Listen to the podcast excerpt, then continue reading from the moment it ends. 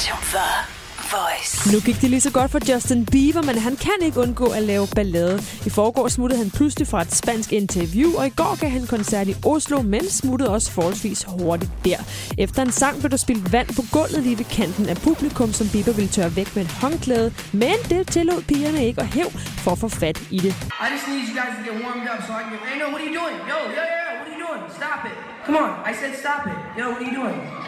Come on. Guys, yo, listen to me. Are you listening?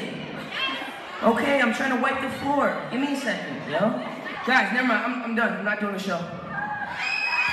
I'm not doing the show.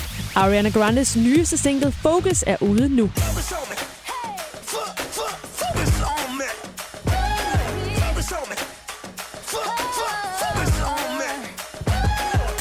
One Direction gav koncert i Newcastle, hvor efter Lewis Tomlinson fortsatte festen på hans hotelværelse med en masse venner.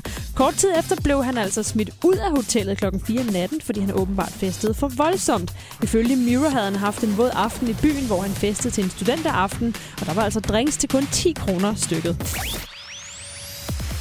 Adele er så glad og taknemmelig for den støtte, hun har fået fra fans efter Hello er kommet ud, at hun postede et billede på Twitter af sig selv som lille. Ikke helt så smuk, som hun er i dag. Hun skriver, Thank you for the love, I'm blown away, og du kan se tandløse Adele på vores Snapchat. Vi hedder TheVoice.dk.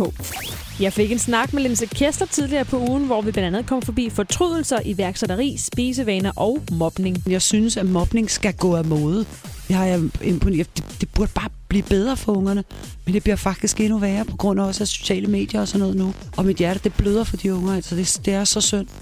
Men altså, jeg har jo et råd, og det, det er, at Du kan høre hele interviewet og Linses råd inde på radioplay.dk under podcast.